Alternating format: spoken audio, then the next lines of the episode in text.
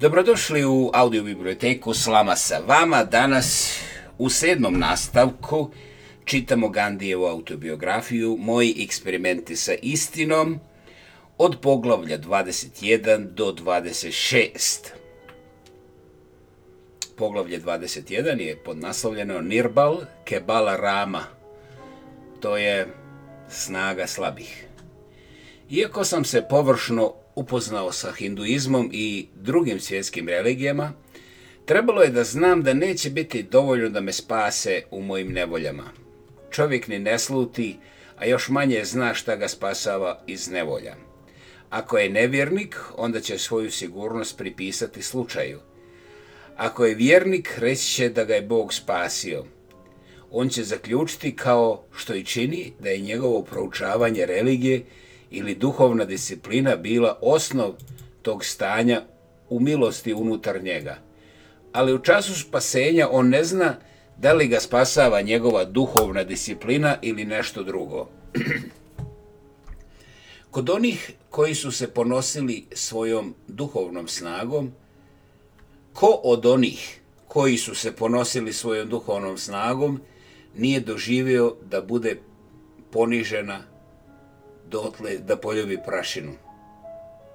Poznavanje religije, za razliku od iskustva, izgleda tričavo u tim trenucima nevolje. U Engleskoj sam otkrio jalovost pukog religijskog znanja. Kako sam bio spasen u prethodnim prilikama, ne znam da kažem, jer sam tada bio veoma mlad, ali sada sam imao 20 godina i stekao sam određeno iskustvo kao muž i otac.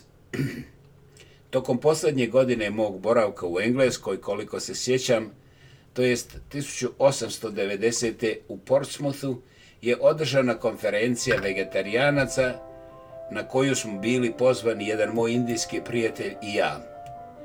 Portsmouth je luka, izme, luka među čim stanovništvom ima dosta pomoraca –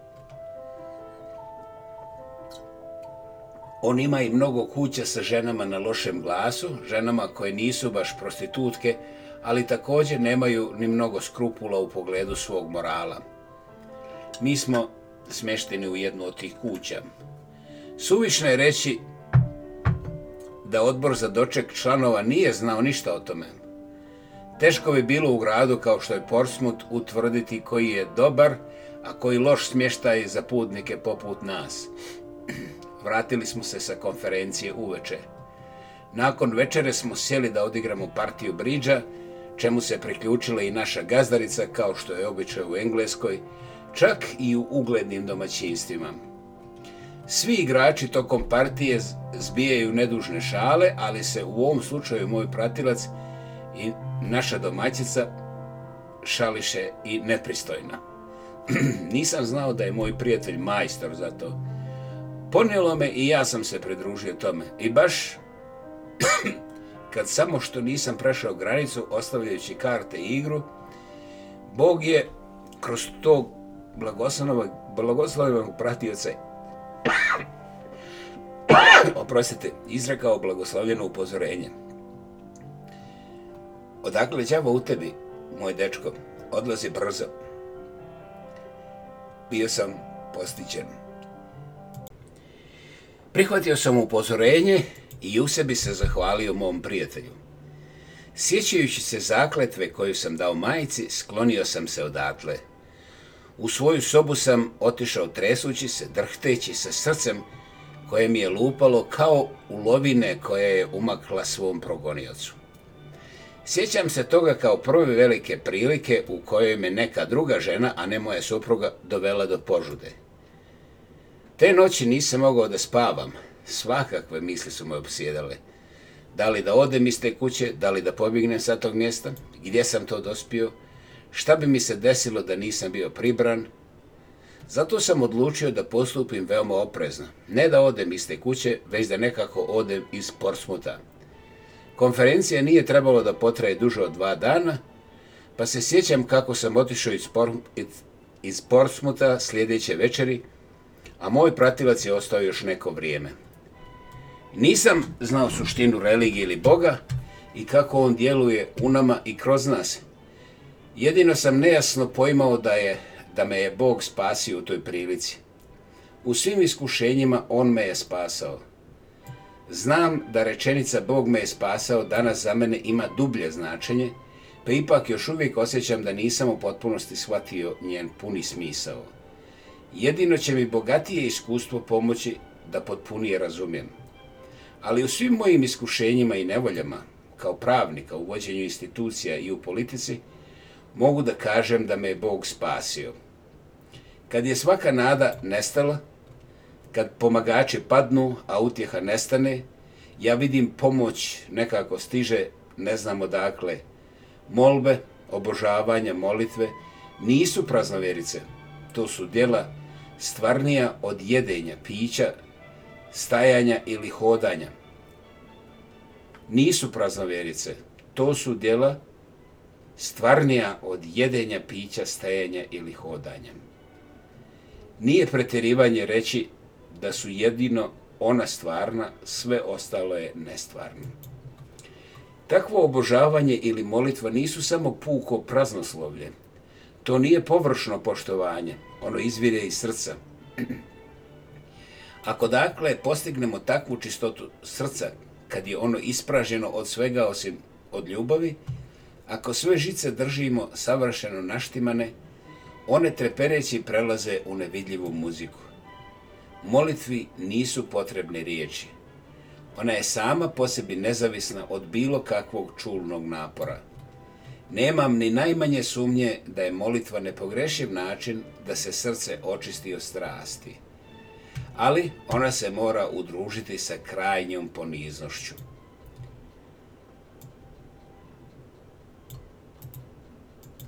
Poglavlje 22.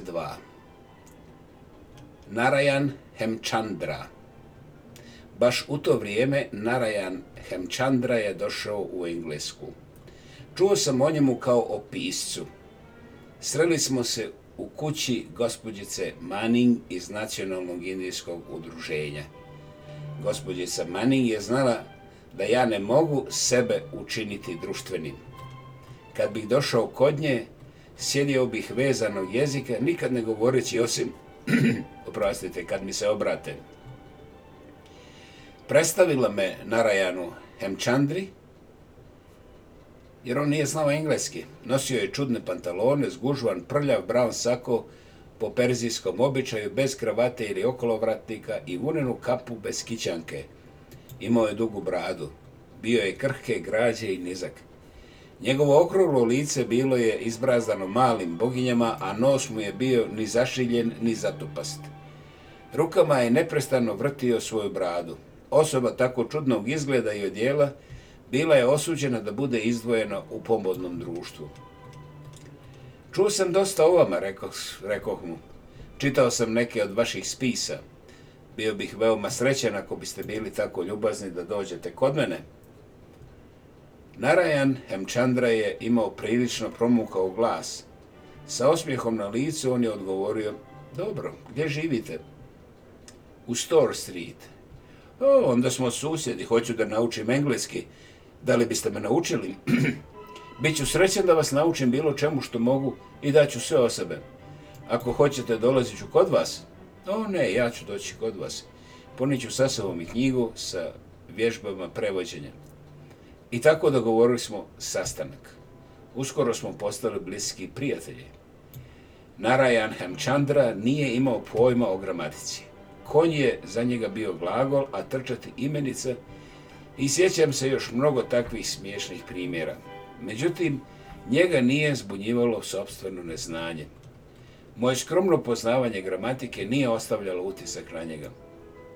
Sigurno da svoje neznanje gramatike nikako nije smatrao nečim čega se treba stiditi. Savršeno nošalantno on reče, nikad nisam osjećao potrebu za gramatikom da bih izrazio svoje misli. Dakle, znaš li Bengali? Ja znam. Putovao sam u Bengal. Ja sam prenio dela Maharašija, Debendranta Tagorea, gunđaratskom govornom području. E sad, samo da kažemo, Maharaši, veliki vidovnjak, titula koja se dodaje ispred imena sveca, pjesnika, mudraca i duhovnika. Devendranda Tagore, indijski društveno-religijski reformator, jedan osnivača bramo Sama i pokreta, otac rabinandra Tagora, indijski, indijskog erudite, pisca, pjesnika, kompozitora i prvog neevropljanina koji je dobio u nagradu za književnost. Znači, Rabindranda Tagore je prvi neevropljanin koji je dobio u nagradu za književnost a volio bih i da prevedem na gunđarati blago sa mnogih drugih jezika. Uvijek se zadovoljim time da prenesem duh. Drugi koji bolje znaju moći će da u budućnosti učine više, ali ja sam sasvim zadovoljan sa onim što sam postigao bez pomoći gramatike. Znam Marati, Hindi, Bengali, a sad sam počeo da učim engleski. Ono što hoću je obilan riječnik – a misliši da se moje ambicije ovdje završavaju? Ne plaši se da je tako. Hoću da idem u Francusku, da naučim francuski.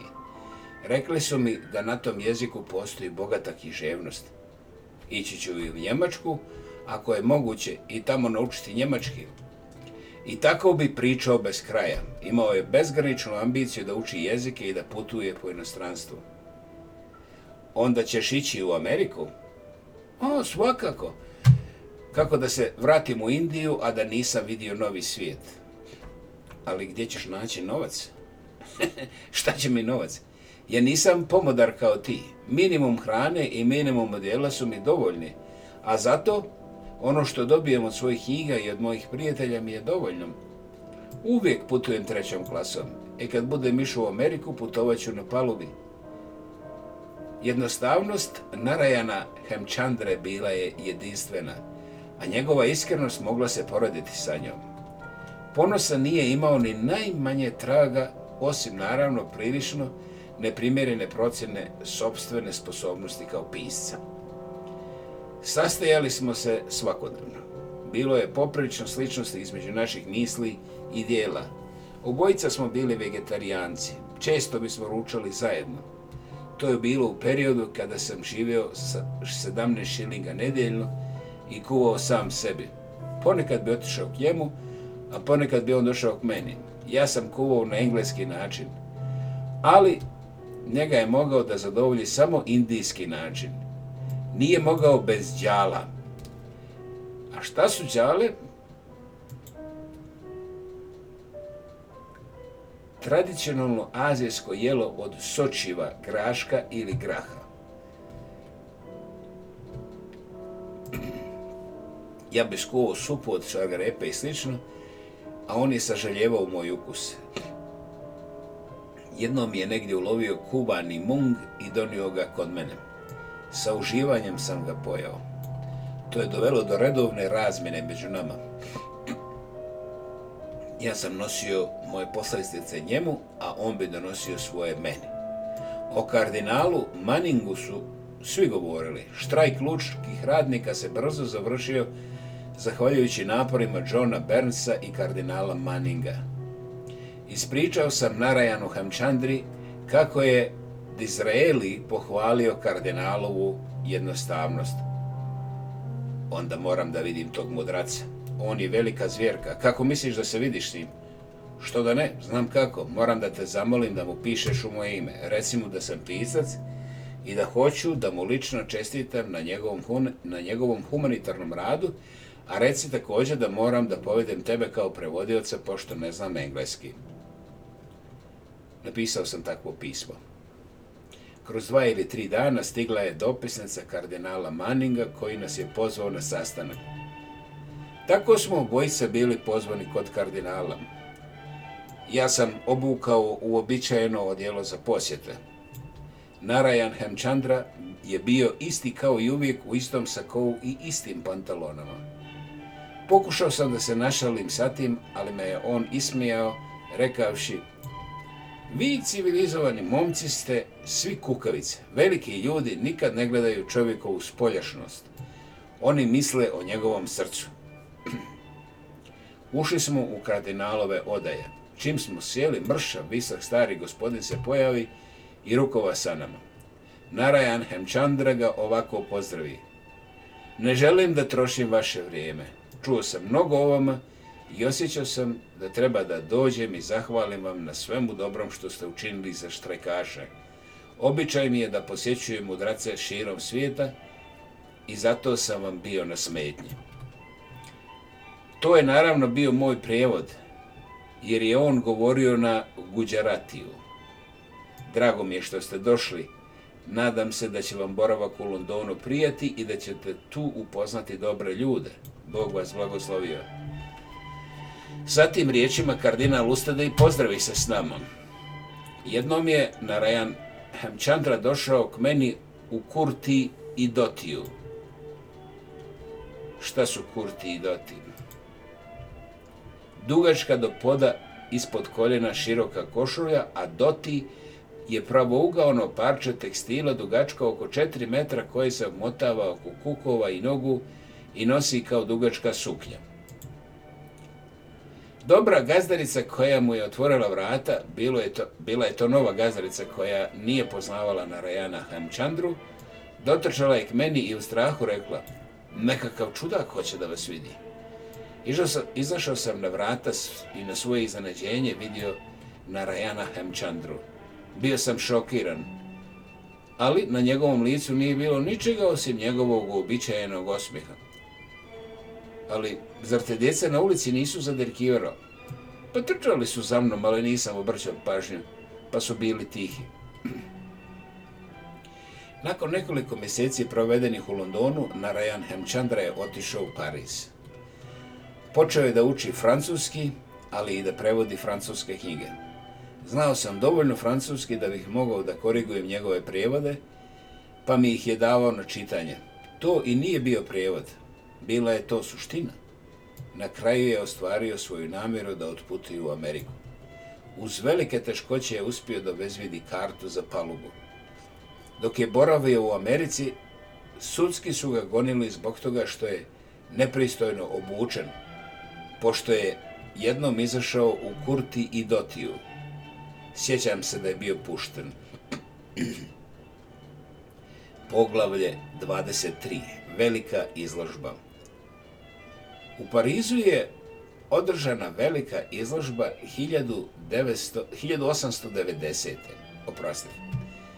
Čitao sam o opsežnim pripremama za nju i žarko sam želio da vidim Pariz. Zato sam pomislio da najbolje da spojim te dvije stvari i otputujem tamo tim povodom. Posebna atrakcija izložbe bila je Eiffelova kula načinjena potpuno od čelika i visoka skoro 300 metara. Bilo je naravno i mnogo drugih interesantnih stvari, ali je kula bila glavna s obzirom da se do tada smatralo da građevina te visine ne može da stoji bezbjedno. Čuo sam da ima vegetarijanska gostionica u Parizu. Iznajmio sam sobu u njoj i ostao nedjelju dana. Sve sam vrlo štedljivo izveo i putovanje u Pariz i razgledanje grada. Ovo drugo sam obavio mahom pješke i uz pomoć mape Pariza kao i mape koja je bila vodič za izložbu. One su bile dovoljne da upute čovjeka do glavne ulice i najinteresantnijih mjesta. A od te izložbe se ne sjećam ničega osim njene ogromnosti i raznovrsnosti. Dobro se sjećam Eiffelove kule na koju sam se penjao dva put ili tri put. Na prvoj platformi bio je restoran i samo radi toga da bih mogao da kažem da sam ručao na tako velikoj visini, spiskao sam sedam šilinga na to. Stare pariške crkve su mi još u sjećanju. Njihova veličanstvenost i mir su nezaboravni. Čudesna građevina Notre-Dame i raskošno uređena unutrašnjost sa njenim divnim skulpturama da se ne mogu zaboraviti. Osjećao sam tada da oni koji su potrošili milione na tako božanske katedrale mora da su imali ljubav prema Bogu i svojim src, u svojim srcima. Čitao sam dosta o pomodarstvu i frivolnosti Pariza. To je bilo očigledno u svakoj ulici, ali su se crkve primjetno izdvajale od takvih scena. Čim uđe u neku od tih crkvi, čovjek bi zaboravljao spolješnju buku njegovo držanje bi se promijenilo, on bi se ponašao sa dostojanstvom i poštovanjem, prolazeći pored nekog, nekog ko kleči pred slikom Bogorodice. Taj osjećaj koji sam imao tada je stalno rastao u meni, da to klečanje ne može biti puka praznovjerica. Posvećene duše koje kleče pred devicom ne obožavaju samo običan mermer, one su gorele istinskom posvećenošću i obožavale su ne kamen, već božanstvenost koju, je, koju on predstavlja. Čini mi se da sam tada osjetio da tim obožavanjem oni ne umanjuju, već uvećavaju slavu Božiju. Moram da kažem nešto i o Eiffelovoj kuli. Ne znam čemu ona služi danas, ali tada sam slušao kako je grdno omalovažavaju, isto koliko je i hvale. Sjećam se da je Tolstoj bio glavni među onima koji su je omalovažavali. On je rekao da je Eiffelova kula spomenik čovjekove ludosti, a ne njegovoj mudrosti. Duvan, govorio je on, je najgori od svih opijata, pošto je čovjek koji se navikne na njega u iskušenju da počini zločine, kakve se pijanca nikad ne bi usudio počiniti. Alkohol čini čovjeka mahnitim, ali duvan zamagljuje njegov intelekt i navodi ga da gradi kule u vazduhu. Eiffelova kula je jedna od stvari koju je stvorio čovjek pod takvim utjecajem. Nema nikakve umjetnosti u Eiffelovoj kuli. Ni na koji način se ne može reći da je ona doprinijela pravo i ljepoti izložbe. Ljudi su se gurali da je vide i penjali se na nju pošto je ona bila novost i jedinstvena po veličini. Bila je to igračka izložbe. Dok smo djeca, privlače nas igračke, a kula je bila dobar primjer za činjenicu da smo mi djeca koju privlače tričarije. Može se reći da je to svrha kojoj služi Eiffelova kula. Poglavlje 24. Primljen, a šta onda? Propustio sam da kažem nešto o cilju zbog kojeg sam i došao u Englesku, a to je da bude proizveden u pravnika. Sada je trenutak, trenutak da se nakratko osvrnem na to. Bila su dva uslova koje je trebalo ispuniti da bi se neki student formalno proizveo u advokata. Pohađati termine, 12 termina, što odgovara otprilike 3 godine, i polaganje ispita. Pohađanje termina je značilo da se objeduje u svojim terminima, to jest da se prisustuje na najmanje šest od oko 24 večere u jednom terminu. Objedovanje nije značilo stvarno učestvovanje u objedu, nego je značilo da se prijavite u određeni čas i da budete prisutni tokom objeda. Obično su, međutim, svi jeli pošto su bila obezbeđena dobra jela i odabrana vina. Večera je koštala od 2,6 do 3,6, i a to je 2 do 3 rupije. To se smatralo skromnim, s obzirom da ste isto toliko mogli platiti samo za vino ukoliko biste jeli u hotelu. Za nas indice je naravno, ukoliko nismo civilizirani, iznenađenje da se pića da cijena pića premašuje cijenu hrane. Kad sam to prvi put otkrio, šokirao sam se i pitao sam se kako ljudi imaju srca da protraće toliko novca na piće. Kasnije sam razumio. Često na tim ručkovima nisam ništa jeo pošto su jedine stvari koje sam mogao da jedem bili hleb, kuvani krumpir i kupus. U početku nisam jeo ni to jer mi se nije sviđalo, a kasnije kad sam počeo da u tome uživam, stekao sam hrabrosti da tražim i druga jela. Večere koje su se pripremale za sudije bile su bolje nego za studente.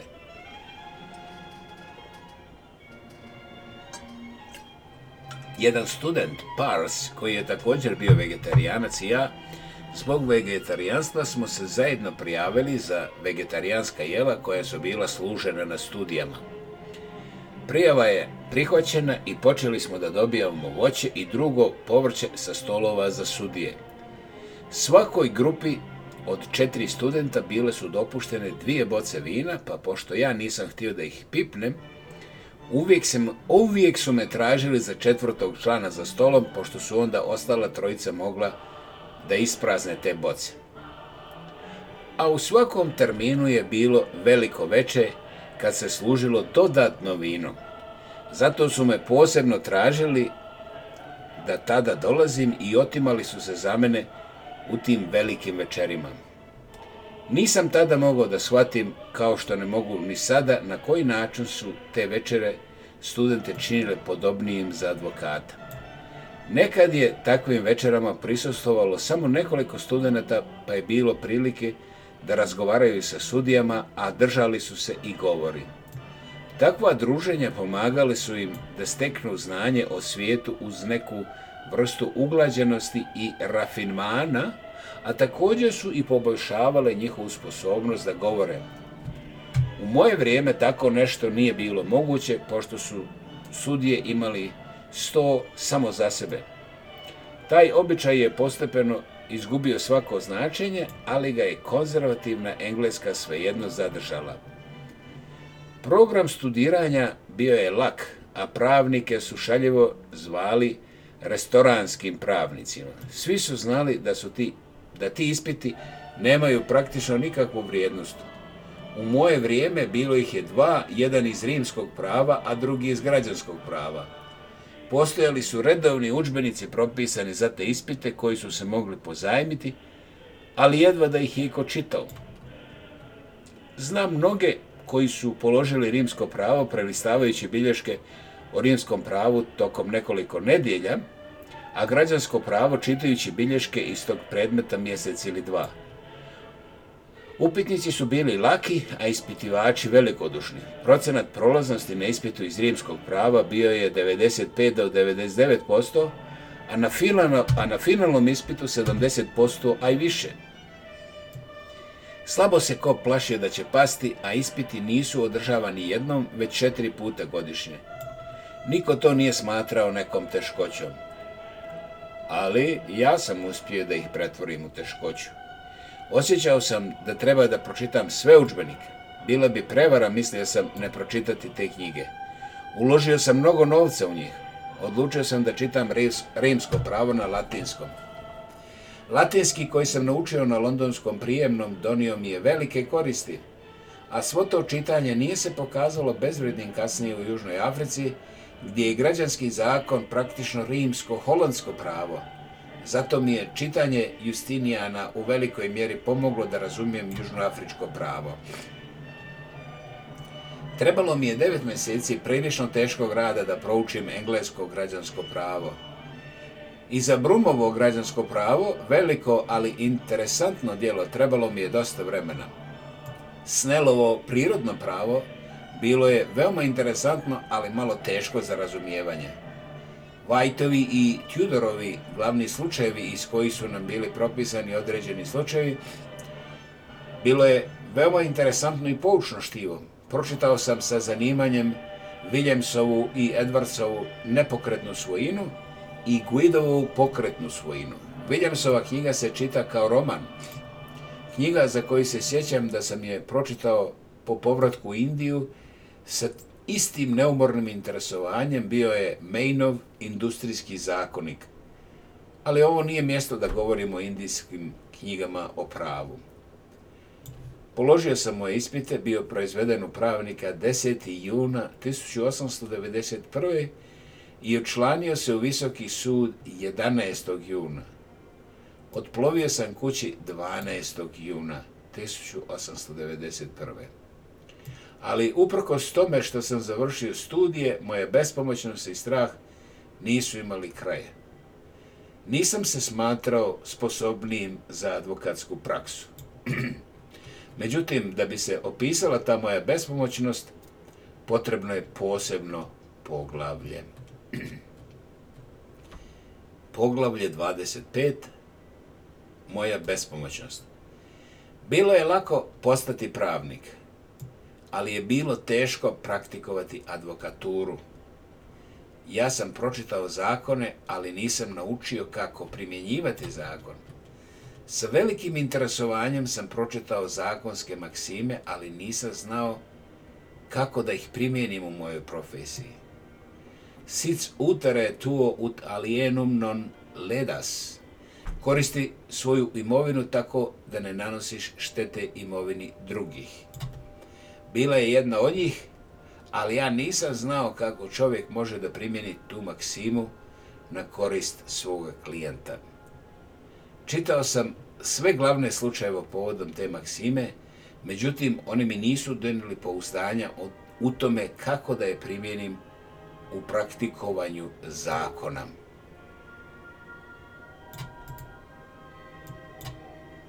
Pored toga, nisam naučio ništa o indijskom zakonu. Nisam imao nikakve predstave o hinduskom i islamskom pravu. Nisam naučio čak ni kako da napišem žalbu i osjećao sam se potpuno izgubljeno. Čuo sam o ser Feroz Šahu Mehti koji je rikao kao lav u sudnicama. Kako je, čudio sam se ja, mogao da nauči tu vještinu u Engleskoj. Nije bilo šanse da je ja ikad steknem u njegovu pravničku sposobnost, ali sam ozbiljno sumnjao da ću biti u stanju čak i da zarađujem za život od svoje profesije. Razdirale su me takve sumnje i strepnje još dok sam studirao pravo. Povjerio sam moju teškoću nekim od mojih prijatelja. Jedan od njih mi je predložio da potražim savjet da dabija orođija. Već sam rekao da sam po dolasku u Englesku imao preporuku za Dadabija. Upotrijebio sam je vrlo kasno. Mislio sam da nemam prava da uznemiravam tako jednog velikog čovjeka da bih pričao sa njim. Kad god bi bilo najavljeno neko njegovo obraćanje, ja sam prisustovao, slušao ga iz ugla dvorane i odlazio nakon što bih nasjetio oči i uši. Da bih se povezao sa studentima, on je osnovao jedno udruženje a ja sam dolazio na sastanke tog udruženja i uživao u Dadabijevoj brizi o studentima i u njihovom poštovanju prema njemu. Vremenom sam sakupio hrabrost da mu predam moju preporuku. Rekao je, možeš da dođeš i pitaš me za savjet kad god hoćeš. Ali nikad nisam iskoristio tu ponudu. Smatrao sam da je pogrešno gnjaviti ga bez prijeke potrebe. Zato se tada nisam usudio da poslušam savjet svojih prijatelja, da povjerim moje teškoće da dabiju. Zaboravio sam da li mi je taj isti prijatelj ili neko drugi preporučio da se vidim sa gospodinom Frederikom Pinkartom. On je bio konzervativac, ali je njegova naklonost prema indijskim studentima bila čista i nesebična. Mnogi studenti su potražili njegov savjet, pa sam se i ja prijavio da se vidim sa njim, a on je pristao. Nikad neću zaboraviti taj razgovor. Dočekao me je kao prijatelja i nasmio se mom pesimizmu. Misliš li, rekao je, da svako mora da bude Feroz Šah Mehta. Malo je ljudi kao što su Feroz Šah i Baduridin. Budi siguran da nije neophodna neka posebna vještina da se bude običan pravnik. Uobičajeno poštenje i vrednoća dovoljni su da pravnik zaradi za život.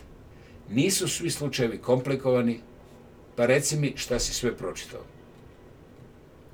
Kad sam ga upoznao sa skromnom literaturom koju sam pročitao, bio je, kao što se mogao da vidim, prilično razočaran. Ali, to je bilo samo za trenutak. Uskoro njegovo lice sini, sinu zadovoljnim osmijehom i on reče Razumijem tvoju nevolju. Tvoja opšta kultura je mršava, ne poznaješ svijet, a to je neophodno za jednog vakila. Nisi pročitao čak ni istoriju Indije. Vakil treba da poznaje ljudsku prirodu, on treba da bude u stanju da pročita čovjekov karakter sa njegovog lica. A svaki indijac treba da zna indijsku historiju. To nije povezano sa pravničkom praksom, ali trebaš da imaš to znanje.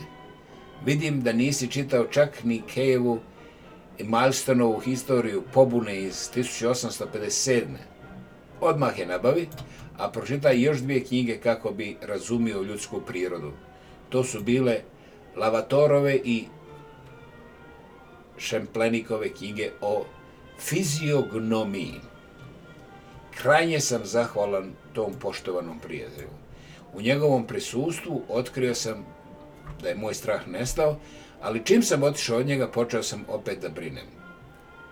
Znati čovjeka na osnovu njegovog lica, bila je tema koja me obsjedala dok sam mislio o dvije knjige vraćajući se kući. Narednog dana sam kupio Lavatorovu knjigu, Šempelnikova se nije mogla naći u knjižari. Pročitao sam Lavatorovu knjigu i bila mi je teža od Snelovog prirodnog prava, a jedva da me je interesovalo. Proučavao sam Šekspirovu Šekspirovu fiziognomiju, ali nisam stekao vještinu da pronađem Šekspire hodajući uzduž popreko ulicama Londona. Ali nisam stekao vještinu da pronađem Šekspire hodajući uzduž popreko ulicama Londona. Na prvi moment malo zbunjujuće ali vidite o čemu se radi. Hvala. Lavatorova knjiga nije povećala moje znanje. Savjet gospodina Pinkarta mi je donio veoma malo direktne koristi, ali mi je njegova ljubaznost koristila. Njegovo nasmiješeno otvoreno lice ostalo mi u sjećanju i ja sam povjerovao u njegov savjet da znanje, pamćenje i sposobnost Feroz Šaha Mehte nisu od suštinske važnosti da se, uspješ, da se postane uspješan advokat. Poštenje i radljivost su dovoljni, a pošto sam imao podosta od oba, osjećao sam se donekle uvjerenim. Kejevu, u knjigu nisam pročitao u Engleskoj, ali sam u Južnoj Africi jer sam sebi dao zadatak da je pročitam prvom prilikom.